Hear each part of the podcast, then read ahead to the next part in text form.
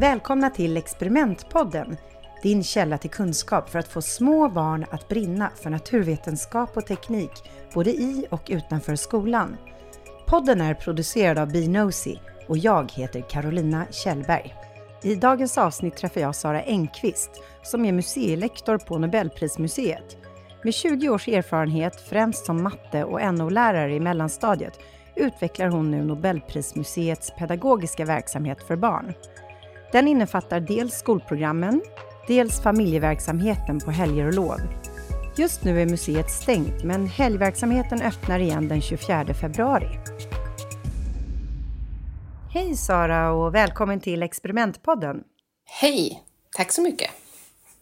Det är jätteroligt att du är här. Du har just arbetat väldigt mycket i och med att det har varit Nobelprisutdelning och eh, vi ska prata lite mer om Nobelprismuseet där du arbetar, men först vore det roligt att höra lite mer om vem du är. Mm.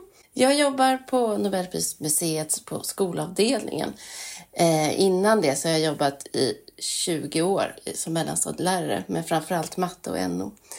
Eh, men sedan ett år tillbaka ungefär så är jag nu här på Nobelprismuseet och jag hjälper till att utveckla nya skolprogram och träffar skolbarn som kommer hit eh, och har genom, genomför skolprogram med dem.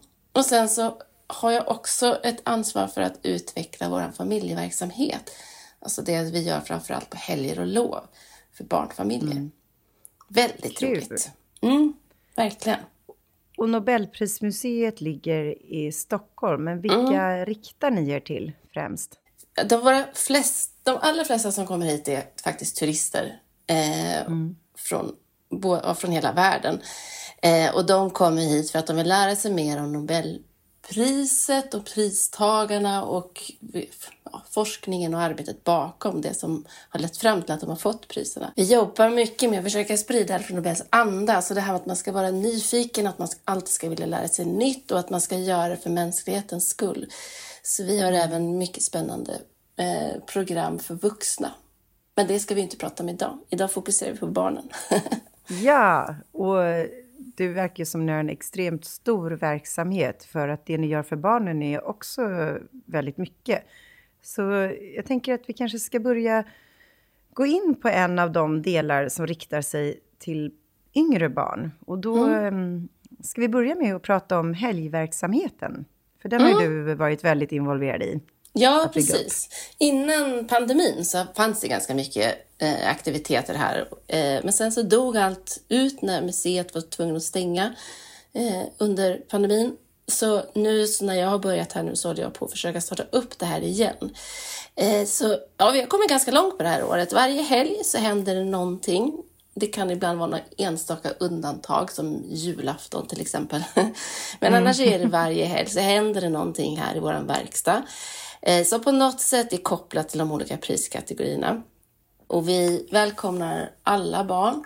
Eh, vuxna får gärna följa med, men man får inte komma ner ensam som vuxen, utan man måste ha barn med sig. Men vi vill mm. gärna att de mm. vuxna är med och deltar och arbetar tillsammans med barnen.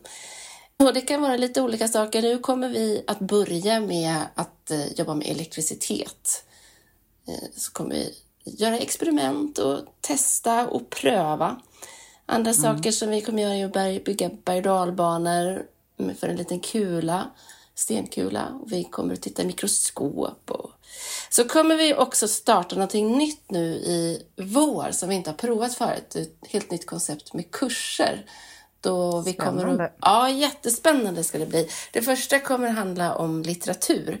Och då kommer en författare, Mikael Viander, komma mm. hit och så kommer han under påsklovet så kommer han ha eh, skrivarkurs för barn. Så man får lära sig mm. utveckla sitt skriv om det. Så, det är jätte, ja, jätteroligt. Så går det här bra så kommer vi fortsätta med de andra priskategorierna också så småningom. Och kostar det någonting att ta del av den här helgverksamheten? Nej, inte det som händer på de vanliga helgerna. De, de vuxna får betala vanligt inträde på museet, men annars är allting annat gratis. Eh, vi tycker att det är viktigt att, att alla ska kunna komma hit och och få vara med. Det ska inte mm, så barnen betalar inte inträde? Inget inträde och ingenting för det vi gör. Allt material, allting är gratis. den här helgverksamheten är ju mer för privatpersoner, men ni har också en hel del skolprogram. Mm. Kan inte du berätta lite om era skolprogram? Jo, vi har, försöker ha skolprogram i alla priskategorier. Eh, och alla vi som jobbar på skolavdelningen är lärare i grunden. Men de andra, de som har jobbat här innan jag kom, de är högstadie och gymnasielärare. Därför har det inte varit så mycket som har riktat in sig till de yngre barnen. Så det är Nej. ett av mina stora arbetsuppgifter nu, att, att utveckla så att det blir fler, för, även för mm. yngre. Så just nu så finns det inte så många, men det är på gång att komma fler. Kul. Men vi har, ja, det är roligt. Men vi har ett som är ett av mina favoritprogram. Det kallar vi för Röra om och skapa nytt. Det riktar sig mm. till förskola, de äldsta barnen i förskolan, alltså femåringar. Mm. Och då får de komma hit och så får de först får de lära sig lite grann om, om Alfred och vem han var eh, och vad ett Nobelpris är för någonting. Och sen så börjar vi prata om att han ju skapade dynamiten och vad är det mm. för någonting? Och så pratar vi vidare om att en del material finns naturligt och en del har vi människor skapat. Barnen får känna och, och eh, lukta på olika saker och så sorterar vi det utifrån vad det är för material. Och sen så avslutar mm. vi alltihopa i vår verkstad och barnen får eh, under stor försiktighet smälta ner plastkulor och sen så kan de skapa någonting nytt för då blir det som en plastmassa. Så kan de skapa någonting nytt av det. Oftast så mm. gör de ett litet halsband eh, som de sen får ta med sig hem. Det är kul! Ja, ett jättefint program tycker jag. Det är väldigt uppskattat. Just det här att de får med sig någonting hem är roligt.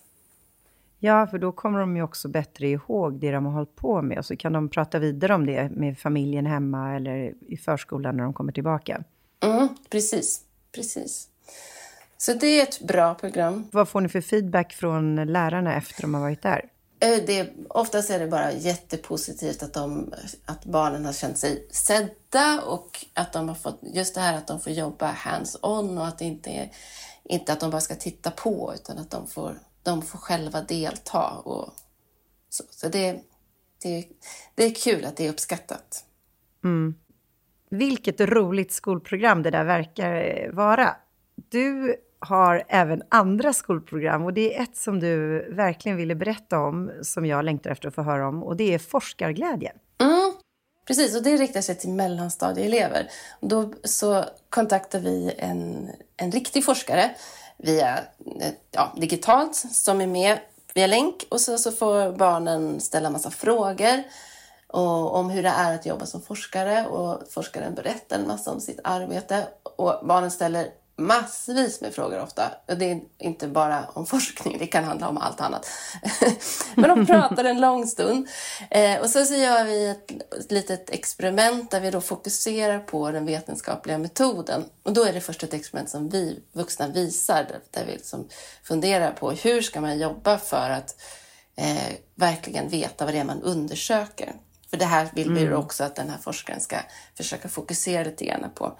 Och sen så går vi ner i vår verkstad och så får eleverna själva göra en undersökning där de ska fundera på hur kan man få en brustablett att lösa sig snabbast. Så måste de då fundera på hur ska de göra för att eh, veta att, det är, att de jämför rätt saker. Mm. Eh, jätte, jätteroligt. Och de får, så får de testa sig fram och så tar vi tid och så diskuterar vi och så jämför vi resultaten och varför har ni inte fått precis samma fast ni gjorde precis likadant. Och så så det, mm. det är mm. verkligen fokus på vetenskapliga arbetsmetoden. Och då har de, eh, har de flera olika vätskor att lösa upp den i eller har de saker att hacka med eller vad har de för ja, utrustning? De får komma på själva. Du, vi plockar fram det som, som de vill ha. Så, men vi försöker inte att ge dem ett färdigt bord för då blir det oftast att ja, vi tar varmt vatten. Utan mm. de får fundera själva och så ber de, kan jag få en sked så jag kan hacka? Ja, det går bra. Kan vi värma vatten? Ja, absolut. Och så, och så får de testa. Så det viktigaste är att de bara ändrar en sak. Ibland så vill de ju gärna röra samtidigt som de häller mm. i varmt vatten.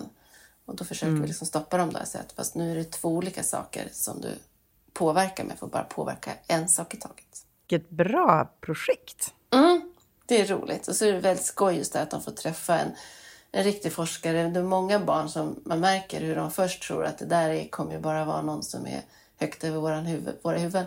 Men så märker de att det är bara helt vanliga personer och människor och att de kan faktiskt också bli forskare. Det är ju toppen, men det är ju framför allt väldigt bra både för barnen och för lärarna att uh, lära sig arbeta enligt den vetenskapliga metoden. För det kan de ju ta med sig hem och fortsätta med sen i skolan. Mm, precis, det är jätteviktigt. Det digitala materialet ni har är ju väldigt bra och väldigt spännande och ges ut strax efter Nobelprisen ges ut. Kan inte du berätta lite mer om det? Mm. Vi har något som vi kallar för Nobelprislektionen och då så under första veckan i oktober tillkännages ju ett Nobelpris om dagen. Och efter det så har vi 24 timmar på oss att producera en lektion eh, som vi då lägger ut på vår hemsida. Då är det ett bildspel och sen så finns det ett manus till, som en mm. lärarhandledning till lärarna så att de ska kunna läsa in sig på det och veta vad de ska säga. Och det här forskargranskas också noga av experter. Eh, så då, ja, då handlar det om just det som de har fått priset för det året. Och det här är jätteroligt. Det är väldigt spännande för oss att sitta och göra det här. Man sitter och jobbar hela natten. Eh, ja, det är snabbt arbetat på ja, 24 timmar ja, att få verkligen. det. Eh, och det är många människor som är inblandade med formgivare och sådär, illustratörer och så också. Eh, så är det jätte, jätteroligt och det är väldigt, väldigt bra. Och de här ligger ju sen kvar på vår hemsida så man kan ju även titta på tidigare år som det är något särskilt man vill veta. Mm. Eh, det här är, finns både på svenska och engelska. Vi vet att det laddas ner ganska mycket även för utomlands från andra, andra länder. Så det är kul. Mm. Sen finns det också en del material som man kan använda i skolorna runt eh, 10 december. För där vet jag att mm. i Sverige så är det ju vanligt att man, det är just då som man jobbar med Nobel.